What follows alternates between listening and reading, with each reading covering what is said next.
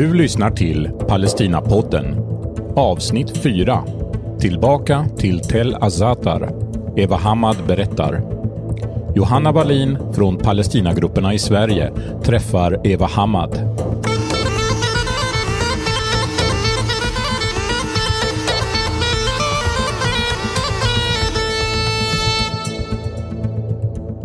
Eva, du är ju sjuksköterska till yrket Ja. eh, och har varit aktiv i eh, Palestinarörelsen i över 40 år. Ja. Eh, Berätta, hur kom det sig att du blev engagerad? Jag, jag flyttade till Göteborg 1900, i januari 1969. Och innan dess var jag inte eh, särskilt indragen i politiken, men jag blev det här. Mm. Här i Göteborg var det ett väldigt politiskt aktivt liv. Och sen var det en tid med eh, mycket strejker i Sverige, mycket politisk aktivitet och mycket solidaritetshandling både för, eh, både för Sverige och, och, för, och internationellt. Mm. Och eh, det fanns också väldigt mycket politisk debatt.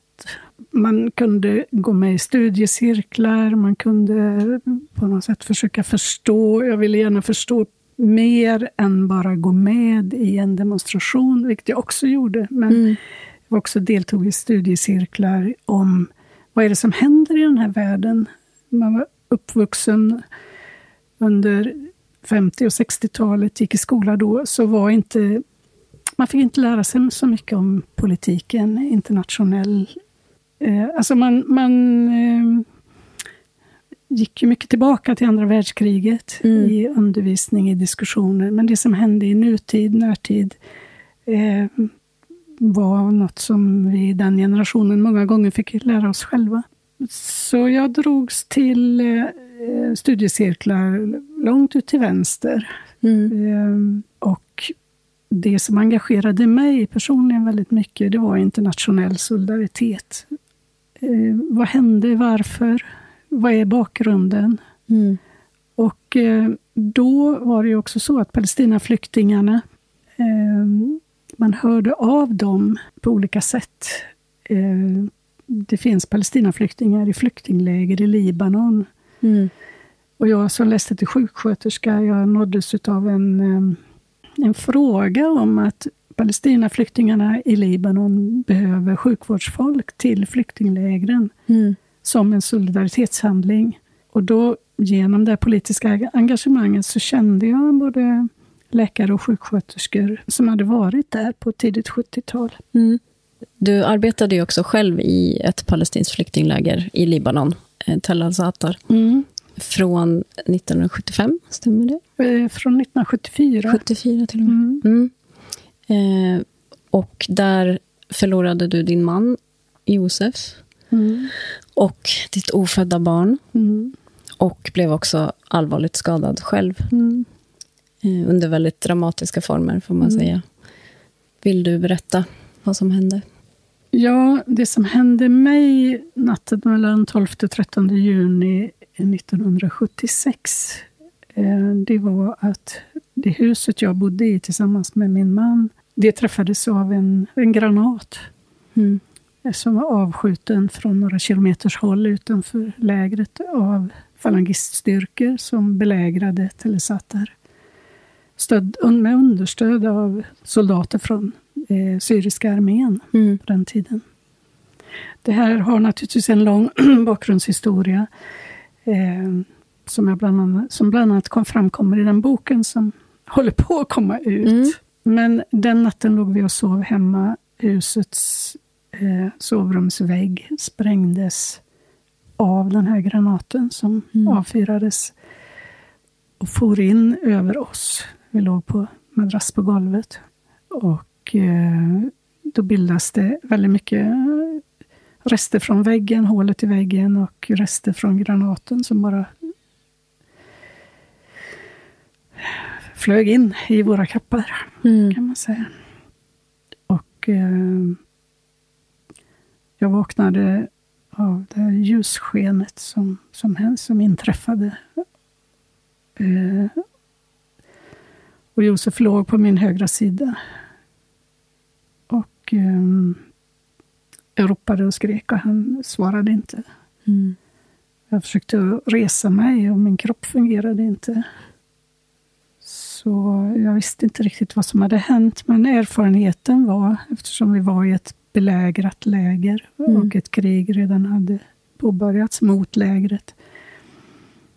Erfarenheten var att en granat följs ofta av en till. Mm. Så jag hade en känsla av att jag vill fly.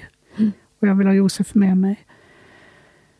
Men eh, som sagt, det, det, vi kunde inte förflytta oss. Nej. Så småningom kom personal från ett av sjukhusen, eh, den palestinska Röda halvmånens klinik i lägret mm. och hämtade oss. Och jag visste inte då att Josef var död. Mm. Han hade träffats av splitter i hjärtat, mm. bland annat. Och jag var väldigt svårt skadad och blödde från stora sår på kroppen. Mm. Hur överlevde du? Alltså, jag överlevde tack vare andra människor. Mm. De på, på, som hämtade mig. De, de vågade springa på natten och hämta oss. De eh, eh, tog emot mig på Röda Halvmånens sjukhus Eh, med de eh, förutsättningar som fanns. En läkare som heter Josef Iraki framförallt han och eh, en kollega till honom, Abdelaziz. Och det, det fanns andra också som eh, naturligtvis själva gruppen av vårdpersonal som gjorde allt vad de kunde för att stoppa blödningar, eh, ge mig smärtstillande, amputera min arm mm. som var helt trasig, min högra arm. Och eh, bandagera mitt, eh, det stora såret i mitt knä som, hade, mm. som blödde mycket. Sen, till, sen kom andra dit. Eh, Josefs, han var min palestinske man ifrån det flyktinglägret. Mm. Hans familj bodde också där. De kom från skyddsrum och andra platser. Eh, och en av dem, hans kusin Nofa, hon bestämde sig för att stanna vid min sida. Mm. Jag kunde inte längre göra någonting själv. Eh, jag hade ju tidigare jobbat som sjuksköterska mm. i den andra, en av de andra klinikerna som fanns i lägret som tillhörde PFLP. Men eh, nu var jag patient. Mm. Nu var jag skadad. Jag var bland de andra som det hade redan börjat komma skadade det var tidigt efter belägringen och det stora anfallet på lägret. Så jag överlevde genom att andra helt enkelt bestämde sig för att hjälpa mig och ta hand om mig. Mm. Och att de läkemedel som fanns till hands skyddade mig just då. De bandage som gick att få stoppade blödningarna. Mm. Eh, det materialet som fanns kunde hålla mig vid liv. Mm. Men eh, det fanns fortfarande många risker. Jag var i slutet på femte månaden när jag blev skadad. Mm. Och um, där fanns också ett hopp om vårt barn. Mm. Jag fick efter, efter ett tag veta att Josef var död. Mm. Något som jag kanske hade trott men inte vågade, inte ville, ville tro. Och satte hoppet till att barnet skulle ändå finnas där. Mm. Och jag kände sparkar. Jag var så pass långt gången att jag kände sparkar. Men eh, det var en värre period efter det att vänta, mm. kan man säga.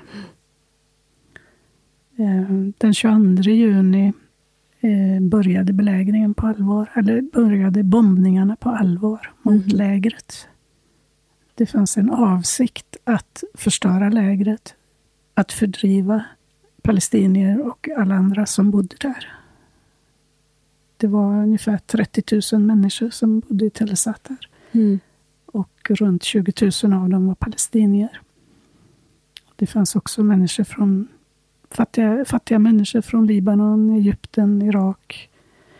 Det fanns eh, en del romer som bodde alldeles i anslutning till lägret. Mm.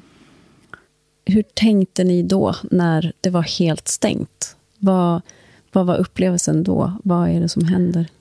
Det hade ju varit stängt redan när jag, innan jag skadades, när jag jobbade. Mm. Vi hade till exempel tillfällen med, eh, eh, ja, till exempel på kunde människor inte åka till och från sina arbeten utanför lägret. Mm. Eh, under våren, när det fortfarande var eh, vägspärrar på vägarna, man hade svårt att ta sig till och från. Det gick ibland, men väldigt ofta kunde man inte komma någon vart. Och folk fick sluta åka till sina jobb för att det var farligt. Många miste livet där. Mm. Eh, lärare och så i lägret ordnade skolgång för barnen. Mm. Eh, många ordnade fritidsaktiviteter för barnen så att eh, de skulle vara sysselsatta. Eh, kvinnor som inte hade gått färdigt sin skolgång kunde få alfabetiseringskurser.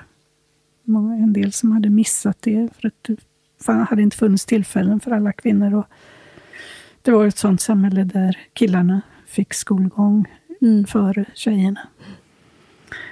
Men eh, jag fick till exempel följa med på sådana klasser och, och lära mig språket på mm. det mer intensivt. Ja, så det förekom eh, mycket aktiviteter för att hålla modet uppe och för att, eh, ja, för att hålla samman befolkningen. Man besökte varandra och pratade om att det snart är över det här. Vi kan inte pågå en belägring hur länge som helst.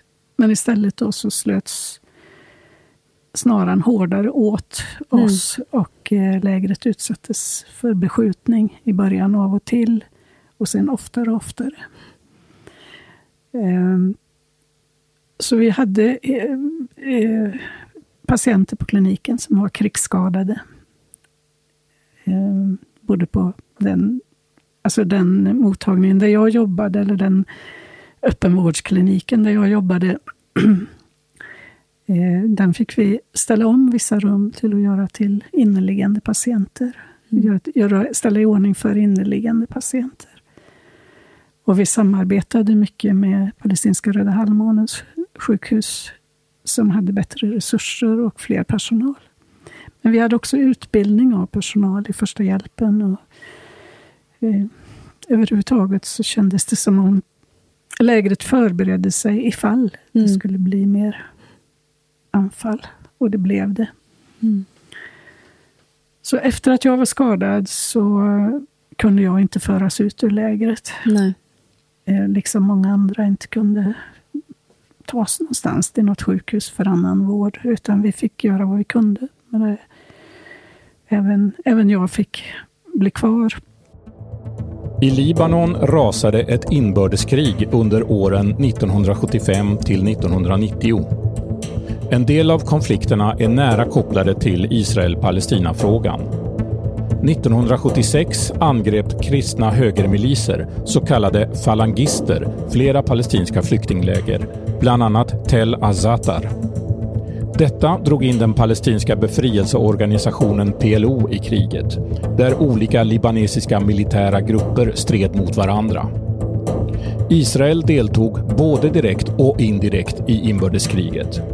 Det stöttade falangisterna materiellt och militärt och gick in i Libanon med trupper under sent 70 och tidigt 80-tal.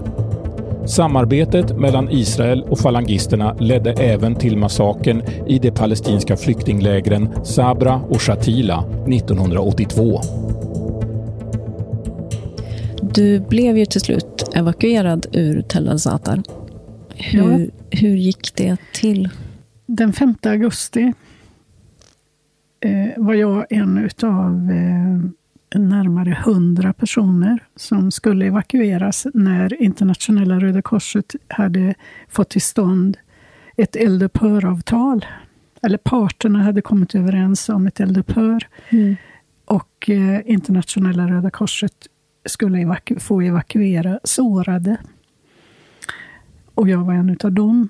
Eh, vi var flera hundra sårade på olika ställen i lägret. Väldigt många hade ju redan avlidit och dödats. Men vi, fanns, var, vi var många fortfarande som var sårade och material och smärtstillande, antibiotika, allt det här höll på att ta slut. Mm. Eh, vattenfrågan var väldigt akut. Mm. Barn tynade bort på grund av att det inte fanns tillräckligt med vatten. Så det var ett väldigt nödläge. Eh, jag evakuerades i en lastbilskonvoj.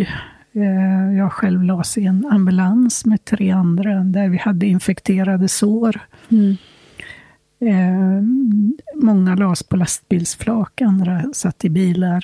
Och eh, Det var en lång konvoj som for iväg och stoppades även på falangisternas område för att de försökte säga att några fuskade och hade bandage som inte, över någonting mm. som inte var skador. Mm. Så de slog folk och tog ner folk från lastbilsflak. De försökte mm. komma in i den här ambulansen där jag låg, men på något sätt så stoppades det här försöket att provocera konvojen och mm. vi kom till slut till västra Beirut. Det hade inrättats ett sjukhus i eh, Arabiska universitetets eh, källarvåning, eller bottenplan, entréplan. Yasser Arafats bror Fatih Arafat var chef för palestinska Röda halvmånens organisation. Mm. Ja, så de hade tillsammans, säkert med många internationella Röda Korset och andra organisationer ordnat det här omhändertagandet. Sen fortsatte evakueringen i två dagar till. Och ytterligare en dag så stoppades hela evakueringsförsöket genom att falangisterna sköt på sjukvårdare mm. och ambulanser. Eh, så det ställdes in och striderna återupptogs motstånds, den palestinska motståndsrörelsen fanns ju i lägret och eh, det fanns ju ett militärt försvar som gjorde att Telesata stod ut så länge. Mm. Men eh, kraftförhållandena mellan de som belägrade och besköt och motståndsrörelsens försvar var ju väldigt ojämlikt, mm. ojämnt. Så ammunition höll på att ta slut. Eh, många motståndsmän var dödade eller sårade på sin post. Det var liksom ett jättesvårt läge. Mm. Och till slut så bad Telesatar om eldupphör mm. och gick med på att evakueras ut ur lägret. Så den 12 augusti så på morgonen gick folk fram ur skyddsrum där de hade funnits, eller källarvåningar där de hade försökt att bo tillfälligt under den här belägringen och striderna. Eh, kvinnor bar på de minsta barnen och man bar de äldsta. Det fanns ju gamlingar eh, som hade svårt att gå ändå. Mm. Eh, det fanns... Eh, alltså, folk välde fram och ut på vägen, vägarna ut mot, från lägret. Många hade en vit tygtrasa i handen och möttes där av falangister som besköt de flyende. Så det, de gick en massaker, eh, till och med den sista dagen.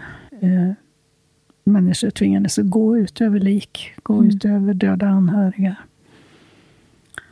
Så det var en, en förfärlig dag. Mm. En förfärlig avskyvärd slut på den eh, eh, människor som bara hade försökt kämpa för att få bo kvar på mm. den plats dit de hade kommit som flyktingar. Från sitt land. Och från Palestina. Och det var inte så att de skulle kunna återvända till Palestina. Nej. För min egen del så var jag den 12 augusti var jag redan i Sverige. Jag hade fått vara tre dygn i eh, västra Beirut på det här sjukhuset, tillfälliga sjukhuset. Och med hjälp av en svensk journalist, Anders Hasselbom, som var i Beirut och hade bett svenska regeringen att få åta sig utrikesdepartementets uppgift med, för svenska medborgare. Jag var en av de få. Att få förmedla information mellan mig och, och UD. Som mm. då, hur jag skulle kunna evakueras ut ur Beirut. Mm. Anders var också en av de som räddade mitt liv genom att uppmärksamma situationen i Telesatar. Alltså, det blev en uppgörelse att jag skulle få ta mig ut på en icke tillåten väg, för det fanns inga tillåtna vägar ut på grund av kriget. Till slut så evakuerades jag i ett Röda korsplan.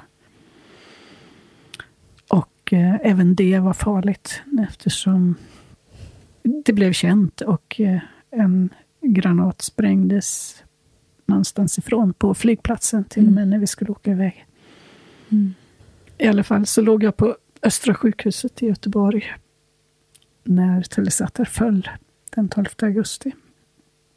Och jag, jag minns så väl hur jag hade en jättefin, modern sjukhussäng. Ett eget rum med toalett. Jag låg på en infektionsklinik med en sluss in där bara personal med ordentligt med skyddskläder kunde komma. Jag mm. hade dropp och jag hade antibiotika och, och läkemedel som jag behövde för att jag var infekterad. Jag hade olika hälsoproblem. Och eh, jag blev undersökt från topp till tå. Hade, det fanns rinnande varmt och kallt vatten. Det fanns ju alltid mm. som är ett modernt sjukhus. Och jag visste var jag kom ifrån. Jag visste mm. vad människorna i Telesatar tvingades att lämna. Vilken mm. svår situation. Och för att sedan möta en ännu svårare situation som hemlösa mm. flyktingar. Mm. Inte i sitt eget hemland. Al-Nakba, som betyder katastrofen på arabiska, skedde i samband med staten Israels bildande 1948 då omkring 750 000 palestinier drevs på flykt. Flyktingarna sökte tillfälligt skydd i Gaza, på Västbanken och i grannländerna i väntan på att kriget skulle ta slut så att de kunde återvända hem. Men den dagen kom inte. Idag finns 58 flyktingläger på Västbanken, i Gaza, Jordanien, Syrien och Libanon. I Libanon bor drygt 400 000 palestinska flyktingar. De palestinska flyktingarna har inte libanesiskt medborgarskap och har mycket begränsad rätt till sjukvård, skolgång och annan social service, som istället FN-organet UNERVA får ansvara för. På senare år har också ett stort antal palestinier från Syrien flytt till Libanon. De redan överfulla lägren har fyllts på med nya flyktingar, ännu fattigare och mer utsatta än de som levt där i generationer flyktingfrågan och framförallt rätten att återvända för palestinier är ju en fråga som är så otroligt central och samtidigt så sällan beskrivs riktigt, kan jag tycka, mm. eh, i media. Åtminstone får inte riktigt den plats den förtjänar. Mm. Eh, det finns ju palestinska flyktingar som bor i flyktingläger, både på Västbanken mm. och i Gaza mm. och i grannländerna, då, bland annat i Libanon. Mm. Och där människor lever som flyktingar utan rätt att återvända i, i många generationer. Mm. Eh, kan du beskriva lite grann om hur flyktingarnas situation ser ut i Libanon idag? Mm. Ja, tyvärr så eh, det blir, den blir svårare och svårare. Och eh, det är ju hundratusentals människor som lever utan medborgarskap. Utan, därmed utan medborgerliga rättigheter. Vilket innebär till exempel att man inte kan bära ett pass. Mm. Och man kan inte resa. Det gäller också de mänskliga rättigheterna. Att kunna alla människors lika värde. Det är som mm. om det inte gäller palestinierna. Mm. Och deras möjligheter att påverka politiken i det land de lever i är ju lika med noll. Och det gör ju att palestinierna måste lita på varandra och sig själva. Och i väldigt stor utsträckning lita på hjälporganisationer. Mm. Det finns ju en eh, FN-organisation, bland annat UNRWA, UNRWA som eh, har fått så oerhört nedbantade bidrag. Det är olika länder i världen som, som ger bidrag. Sverige är en stor bidragsgivare, Mm. men eh, Trump till exempel i USA, han drog bort den, eh, som är det största, land, största bidragsgivarlandet, drog ner eh, till ett minimum på de anslagen som USA gav. Och det påverkar palestinska flyktingar oerhört mycket. Mm. För inom UNRWA kan man få arbetstillfällen, man kan eh, gå i skola, man Mm. kan få vaccinationer, man kan eh, jobba inom sjukvården på de klinikerna som finns, och så vidare. och så vidare. Eh, palestinska flyktingar har blivit människor i, i stort beroendeskap av givarorganisationer, NGOs, Non-Governmental Organizations. Eh, vilket gör att det hämmar möjligheten att starta något eget. För det är Mm. inte tillåtet att starta något eget i Libanon. Visst Det är är, är det så att eh, palestinier i Libanon är förbjudna att arbeta inom väldigt många yrken också? Ja, ett 70-tal yrken. Mm. Så även om man har rätt utbildning, Mm. eh, så man, man får inte anställning just på grund av att man är palestinier. Det är en Mm. stor diskriminering. Eh, en rasistisk inställning från ett, ett land. Mm. Och Eh. samtidigt så ligger ju inte lösningen på flyktingfrågan där heller. Nej, palestinierna upprätthåller sina liv i flyktinglägren och gör det fantastiskt starkt och Mm. satsar på att generation efter generation barn ska få gå i skola, ska få utbildning. Eh, och försöker att... Eh,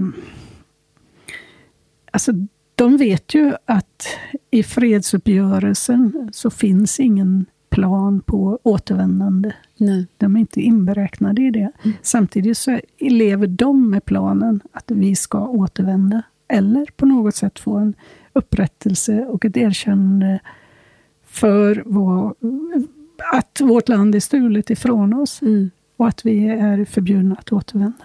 Precis. Jag tänkte gå tillbaka lite till din personliga berättelse. Du var ju med om ett oerhört trauma. Flera trauman och levde under omständigheter som är svåra att nästan ta in. Men du överlevde och du kom till Sverige. Hur överlever man också mentalt att ha varit med om någonting sånt? Ja, alltså, jag hade ju redan levt i Telesatar sedan hösten 1974. Jag hade varit med om en, en väldigt fin tid Mm. före kriget. Eh, Jag hade förälskat mig. Jag hade åt, åter, och reste till Sverige och sen återvände jag ner och gifte mig med Josef. Och eh, hade blivit en del av gemenskapen i Telesatar. Mm. Jag kände mig hemma där. Jag hade vänner där. Jag hade väldigt mycket roligt där. Vi hade mm, liksom, ett bra liv. Jag jobbade på kliniken och Josef jobbade också. Han var ansvarig för klinikerna på, i olika läger, just PFLPs kliniker.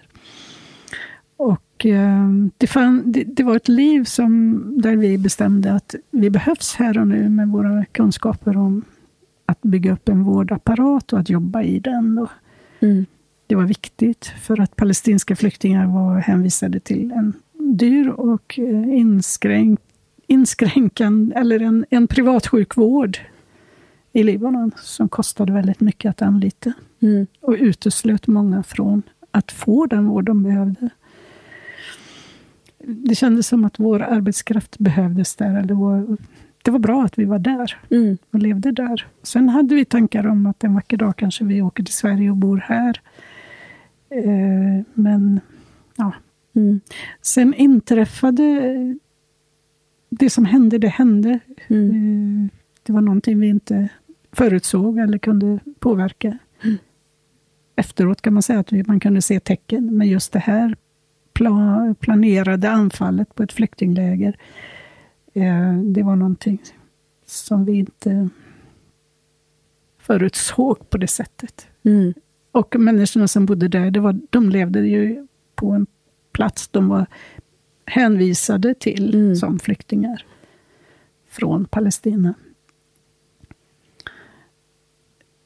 Så när jag kom hem och var skadad och eh, hade förlorat så mycket av den familjen som jag hade byggt upp där, mm. eller börjat att bygga, vi hann inte så långt, så fanns det väldigt mycket sorg och väldigt mycket att hämta upp. Det tog många år. Mm. Samtidigt så läker ju kroppen i ett tempo. Såren läker i ett tempo och själen läker i ett annat. Mm. Och det, den vården som finns här, som fanns för mig, var bra. Mm. Eh, rent fysiskt. Och psykiskt så kan jag förstå efteråt att jag räddades av att jag var, blev väldigt efterfrågad som föreläsare. Mm. Folk ville veta, vad har hänt? Vad har du varit med om? Vad hände i Telesat? Varför? Jättemycket frågor, jättemycket intervjuer, jättemycket eh, inbjudan till eh, att berätta. Mm. Jag kan faktiskt säga att de första 20 åren efteråt, vid sidan av att jag också började så smått att arbeta deltid som sjuksköterska, så var min huvudsakliga uppgift att föreläsa. Mm. På ABF-kvällar, på politiska möten, i skolor, för ungdomar, för vuxna, för ja, tidningar kom och eh, var intresserade av att göra intervjuer. Och, mm. Eh, det fanns ett stort intresse för Palestinafrågan. Mm. Sen kom ju Sabra Shatila, eh, massakern i Sabra Shatila, när Israel invaderade Libanon 1982. Mm. Alltså vi genomförde enorma demonstrationer. Vi genomförde namninsamlingar på gator och torg som gav över 180 000 namn mm. som vi gick till utrikesdepartementet och lämnade med krav på att bojkotta Israel och erkänna PLO. Mm. Så det var verkligen många som följde med, som förstod, som ville veta, som ställde upp i solidaritet för Palestinas sak. Mm. Och det var en hjälp för mig också. Mm. Eh, för, jag, för ja, jag visste ju att man satt i Libanon så, såväl som i Palestina och på Västbanken och Gaza, i flyktingläger och i städer och följde solidaritetshandlingar. Och där var Sverige stort. Ett, ett land med mycket... Ja, mm. Många märkte att i, i Sverige fanns många som kunde mycket om Palestina.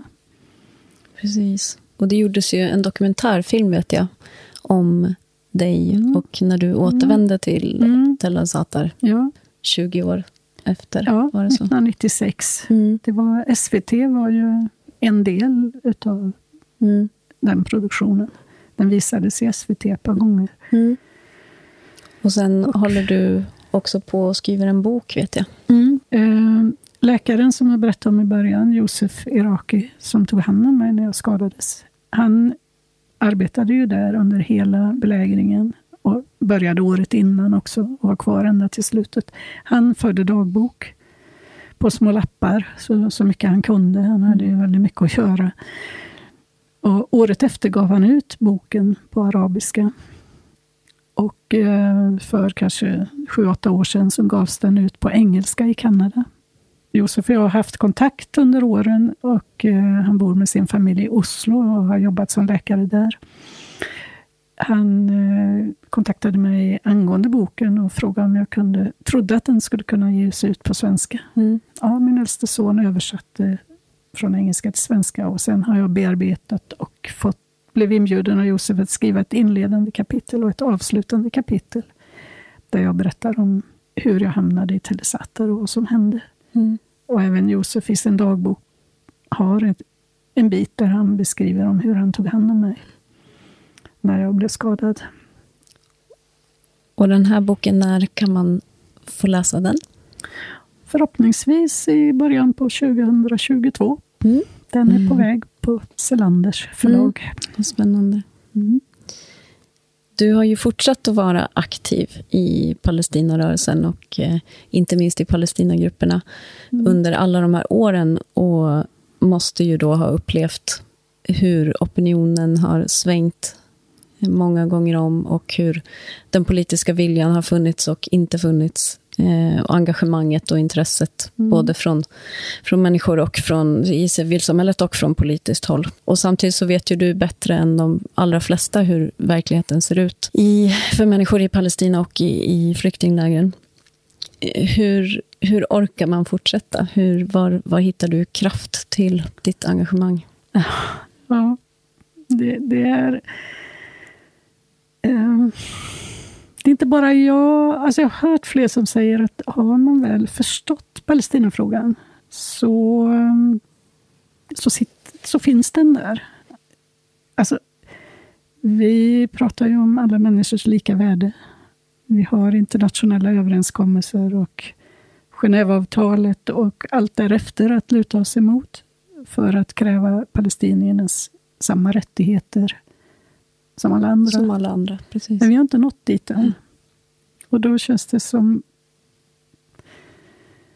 Ja, jag kan den här frågan. Jag kan prata om den. Jag kan skriva om den. Jag kan delta i solidaritetsarbete kring den. Det har, det har blivit eh, mitt liv lite grann. Mm. Mm. Jag gläder mig väldigt åt många nya unga människor som ställer sig frågan Vad är det här? Vad är det här för en problematik? Den måste vi väl kunna förstå oss på. Mm. Tyvärr så har det varit kanske en tioårsperiod när den har, det har legat väldigt lågt och Mm. media ligger väldigt lågt. Av olika anledningar.